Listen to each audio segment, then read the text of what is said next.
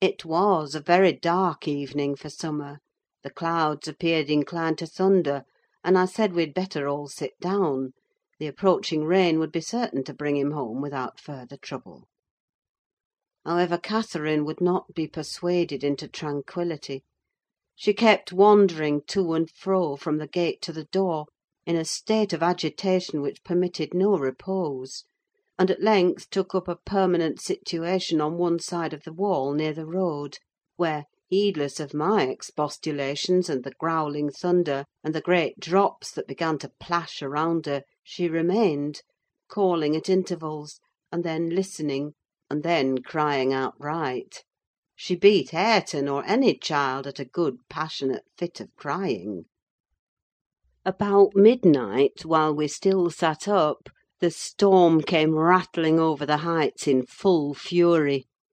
There was a violent wind as well as thunder, and either one or the other split a tree off at the corner of the building: a huge bough fell across the roof, and knocked down a portion of the east chimney stack, sending a clatter of stones and soot into the kitchen fire. We thought a bolt had fallen in the middle of us, and Joseph swung on to his knees, beseeching the Lord to remember the patriarchs Noah and Lot, and, as in former times, spare the righteous, though he smote the ungodly. I felt some sentiment that it must be a judgment on us also. The Jonah, in my mind, was Mr. Earnshaw, and I shook the handle of his den, that I might ascertain if he were yet living. He replied audibly enough, in a fashion which made my companion vociferate more clamorously than before, that a wide distinction might be drawn between saints like himself and sinners like his master. But the uproar passed away in twenty minutes, leaving us all unharmed, excepting Cathy, who got thoroughly drenched for her obstinacy in refusing to take shelter, and standing bonnetless and shawlless to catch as much water as she could with her hair and clothes. She came in and lay down on the settle, all soaked as she was, turning her face to the back, and putting her hands before it. "Well, Miss," I exclaimed, touching her shoulder, "you are not bent on getting your death, are you? Do you know what o'clock it is? Half past twelve. Come, come to bed. There's no use waiting any longer on that foolish boy. He'll be gone to Gimmerton, and he'll stay there now. He guesses we shouldn't wait for him till this late hour: at least, he guesses that only Mr. Hindley would be up, and he'd rather avoid having the door opened by the master." "Nay, nay, he's noan at Gimmerton," said Joseph. "I's niver wonder but he's at bottom of Buckhoyle. This visitation worn't for nowt, and I would hev ye to look out, Miss. Yarm 'ud be't next. Thank Hivin for all!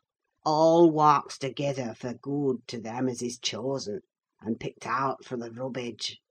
Yah know what t' Scripture says." And he began quoting several texts, referring us to chapters and verses where we might find them.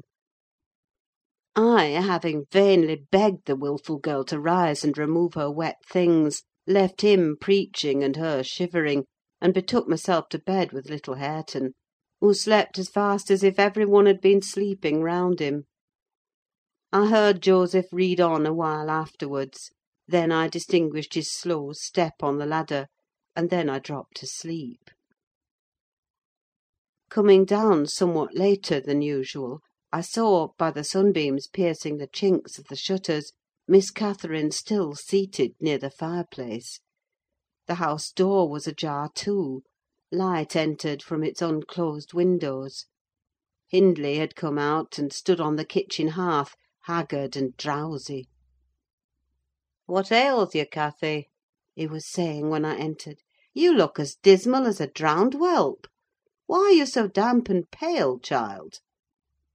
"I've been wet," she answered reluctantly, "and I'm cold, that's all." "Oh, she is naughty!" I cried, perceiving the master to be tolerably sober. "She got steeped in the shower of yesterday evening, and there she has sat the night through. and I couldn't prevail on her to stir. Mr. Earnshaw stared at us in surprise. "The night through?" he repeated. "What kept her up? Not fear of the thunder, surely? That was over hours since." Neither of us wished to mention Heathcliff's absence, as long as we could conceal it; so I replied, I didn't know how she took it into her head to sit up, and she said nothing. The morning was fresh and cool: I threw back the lattice, and presently the room filled with sweet scents from the garden. But Catherine called peevishly to me, "Ellen, shut the window: I'm starving!" And her teeth chattered as she shrank closer to the almost extinguished embers. "She's ill," said Hindley, taking her wrist.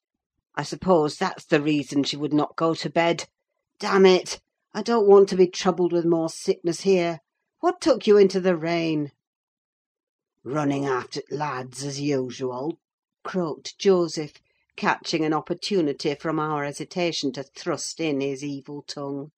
"If I were yah, master, I'd just slant the boards in their faces, all on 'em, gentle and simple.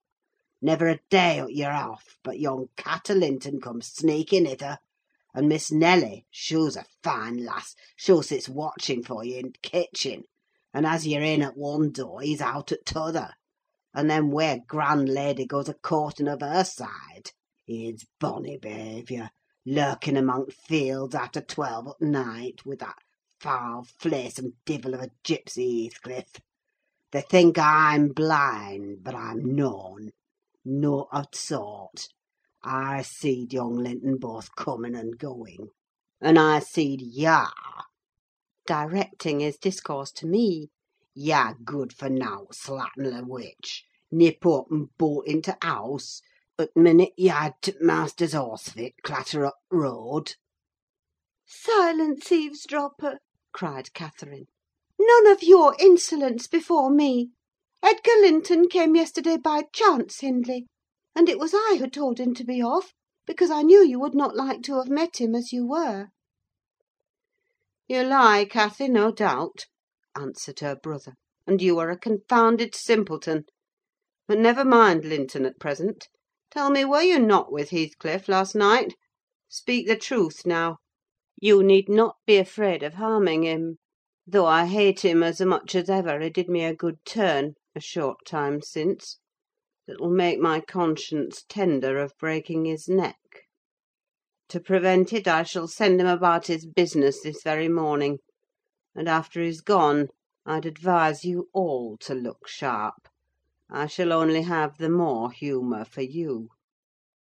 "I never saw Heathcliff last night," answered Catherine, beginning to sob bitterly; "and if you do turn him out of doors, I'll go with him.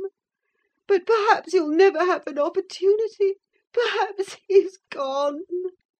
Here she burst into uncontrollable grief, and the remainder of her words were inarticulate. Hindley lavished on her a torrent of scornful abuse, and bade her to get to her room immediately, or she shouldn't cry for nothing. I obliged her to obey; and I shall never forget what a scene she acted when we reached her chamber. It terrified me. I thought she was going mad, and I begged Joseph to run for the doctor. It proved the commencement of delirium. Mr. Kenneth, as soon as he saw her, pronounced her dangerously ill: she had a fever. He bled her, and he told me to let her live on whey and water gruel, and take care she did not throw herself downstairs or out of the window; and then he left, for he had enough to do in the parish, where two or three miles was the ordinary distance between cottage and cottage. Though I cannot say I made a gentle nurse, and Joseph and the master were no better, and though our patient was as wearisome and headstrong as a patient could be, she weathered it through. Old Mrs. Linton paid us several visits, to be sure, and set things to rights, and scolded and ordered us all; and when Catherine was convalescent, she insisted on conveying her to Thrushcross Grange, for which deliverance we were very grateful. But the poor dame had reason to repent of her kindness: she and her husband both took the fever, and died within a few days of each other. Our young lady returned to us saucier and more passionate, and haughtier than ever. Heathcliff had never been heard of since the evening of the thunderstorm; and one day I had the misfortune, when she had provoked me exceedingly, to lay the blame of his disappearance on her, where indeed it belonged, as she well knew. From that period, for several months, she ceased to hold any communication with me, save in the relation of a mere servant. Joseph fell under a ban also: he would speak his mind, and lecture her all the same as if she were a little girl; and she esteemed herself a woman, and our mistress, and thought that her recent illness gave her a claim to be treated with consideration. Then the doctor had said that she would not bear crossing much: she ought to have her own way; and it was nothing less than murder in her eyes for any one to presume to stand up and contradict her. From Mr. Earnshaw and his companions she kept aloof; and, tutored by Kenneth, and serious threats of a fit that often attended her rages, her brother allowed her whatever she pleased to demand, and generally avoided aggravating her fiery temper. He was rather too indulgent in humouring her caprices; not from affection, but from pride: he wished earnestly to see her bring honour to the family by an alliance with the Lintons; and as long as she let him alone, she might trample on us like slaves, for aught he cared. Edgar Linton, as multitudes have been before, and will be after him, was infatuated, and believed himself the happiest man alive on the day he led her to Gimmerton Chapel, three years subsequent to his father's death. Much against my inclination, I was persuaded to leave Wuthering Heights, and accompany her here. Little Hareton was nearly five years old, and I had just begun to teach him his letters. We made a sad parting; but Catherine's tears were more powerful than ours. When I refused to go, and when she found her entreaties did not move me, she went lamenting to her husband and brother. The former offered me munificent wages; the latter ordered me to pack up: he wanted no women in the house, he said, now that there was no mistress; and as to Hareton, the curate should take him in hand by and by. And so I had but one choice left—to do as I was ordered. I told the master he got rid of all decent people only to run to ruin a little faster. I kissed Hareton, said good bye; and since then he has been a stranger. And it's very queer to think it, but I've no doubt he has completely forgotten all about Ellen Dean, and that he was ever more than all the world to her, and she to him. At this point of the housekeeper's story, she chanced to glance towards the timepiece over the chimney, and was in amazement on seeing the minute hand measure half past one. She would not hear of staying a second longer. In truth, I felt rather disposed to defer the sequel of her narrative myself; and now that she has vanished to her rest, and I have meditated for another hour or two, I shall summon courage to go also, in spite of aching laziness of head and limbs.